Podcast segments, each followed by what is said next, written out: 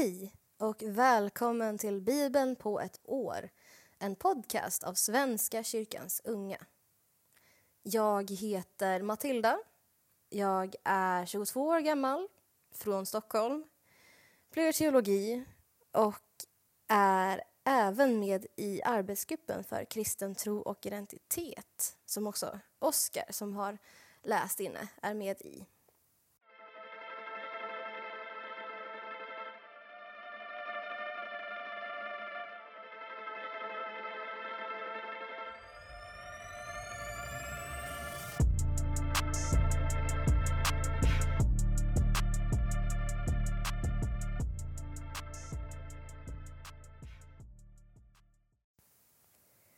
Vi ber.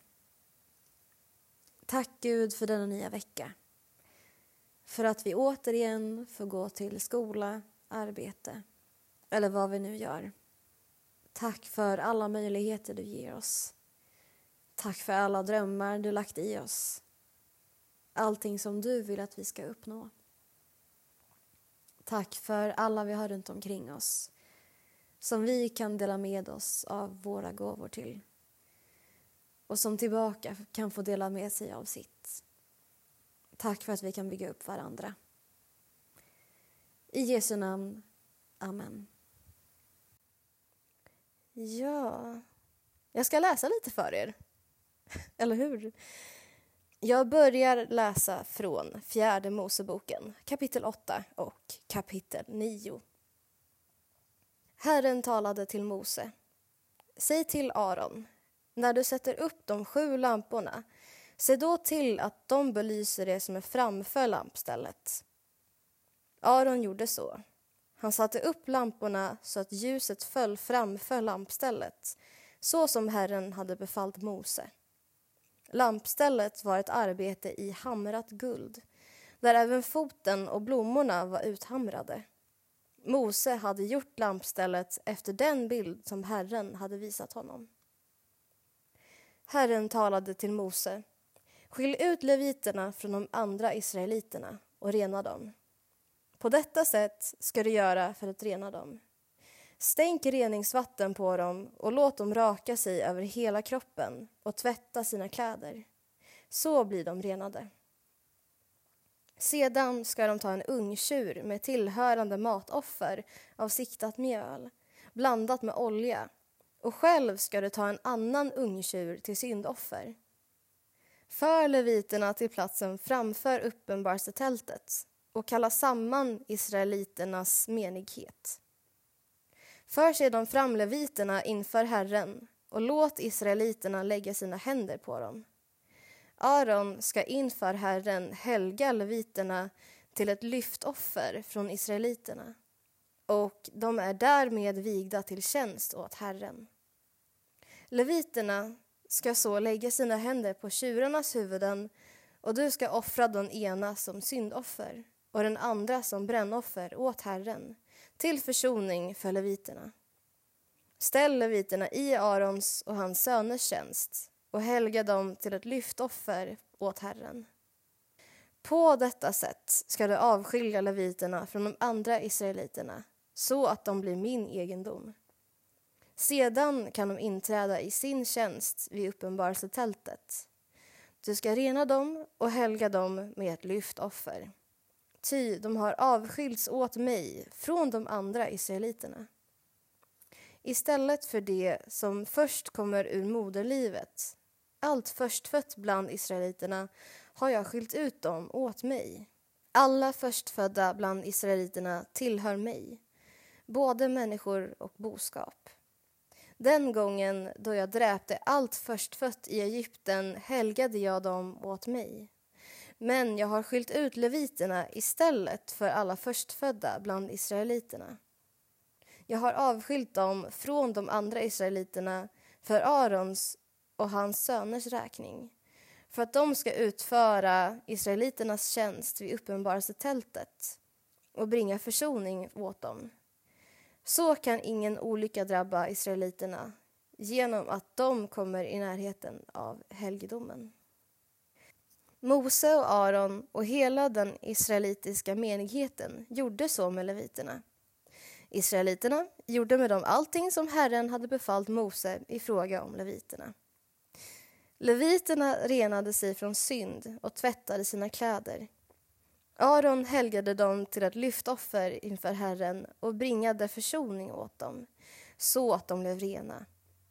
Sedan inställde sig leviterna för att utföra sina uppgifter vid uppenbarelsetältet under uppsikt av Aron och hans söner.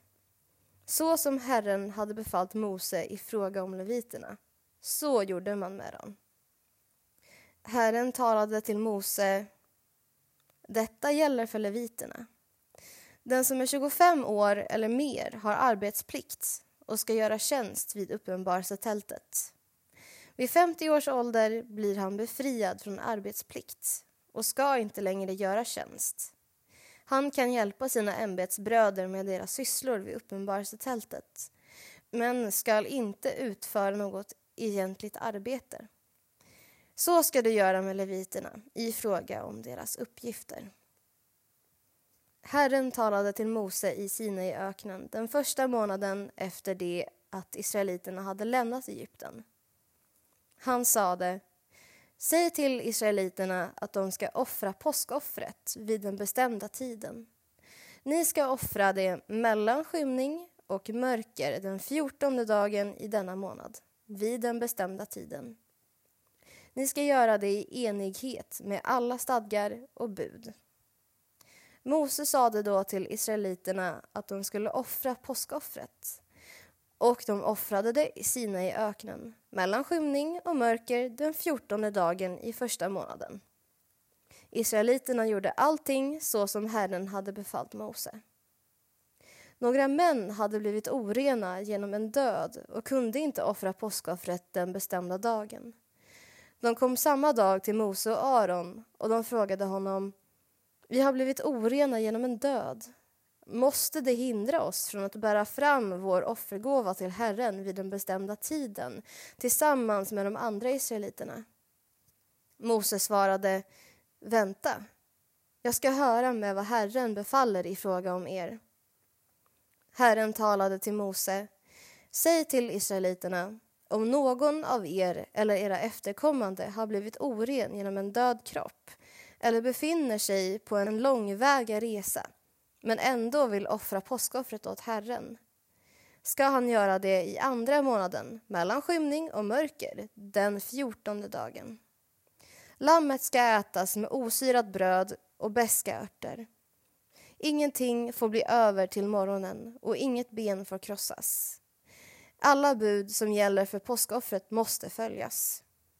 Men om någon är ren och inte befinner sig på resa men ändå försummar att fira påsk ska han utstötas ur sitt folk eftersom han inte har burit fram sin offergåva till Herren vid den bestämda tiden.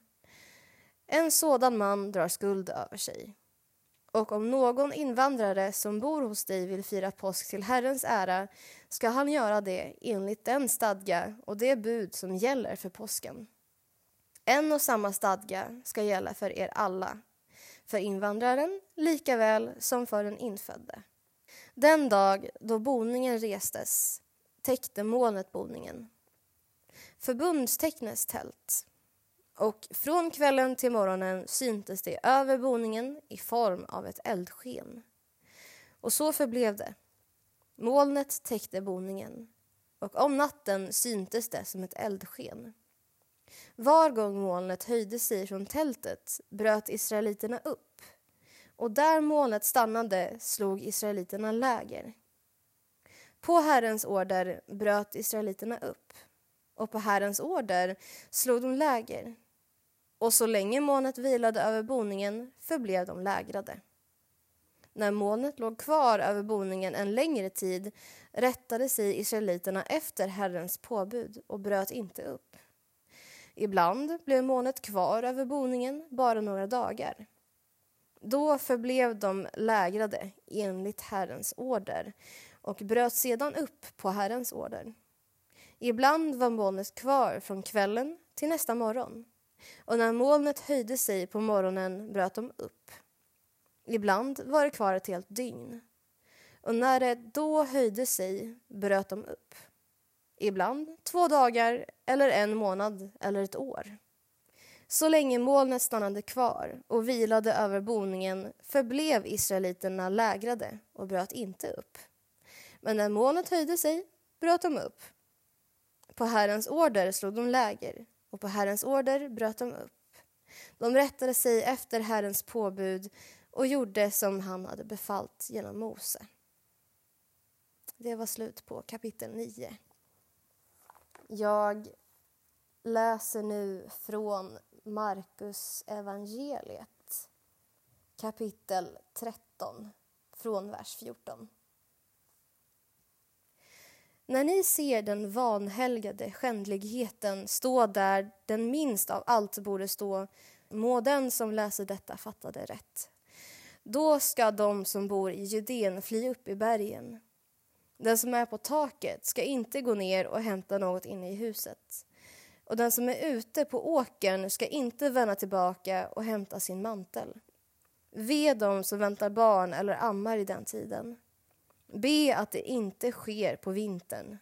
Ty de dagarna blir till ett lidande vars like inte har funnits sedan Gud skapade världen och heller inte kommer att finnas. Om inte Herren hade förkortat den tiden skulle ingen människa bli räddad. Men för deras skull, som han har utvalt, har han förkortat tiden. Och om då någon säger till er, här är Messias, eller där är han, så tro det inte. Falska frälsare och falska profeter kommer att uppträda med tecken och under för att försöka vilseföra de utvalda. Ta er i akt. Jag har sagt er allt i förväg.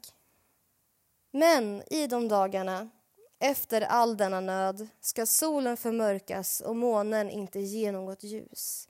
Stjärnorna ska falla från skyn och himmelens makter skakas.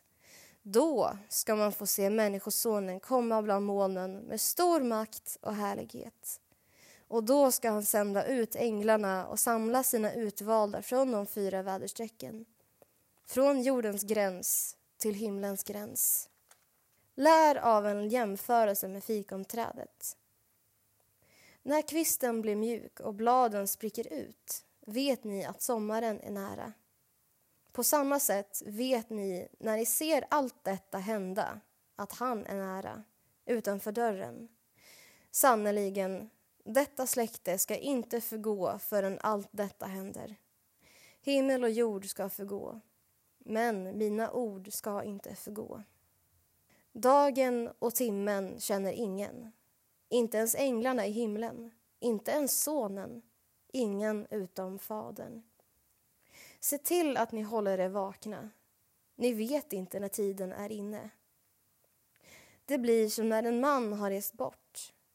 Han har lämnat sitt hus och låtit sina tjänare ta hand om det. Var och en med sin uppgift. Och han har befallt portvakten att vaka. Håll er alltså vakna.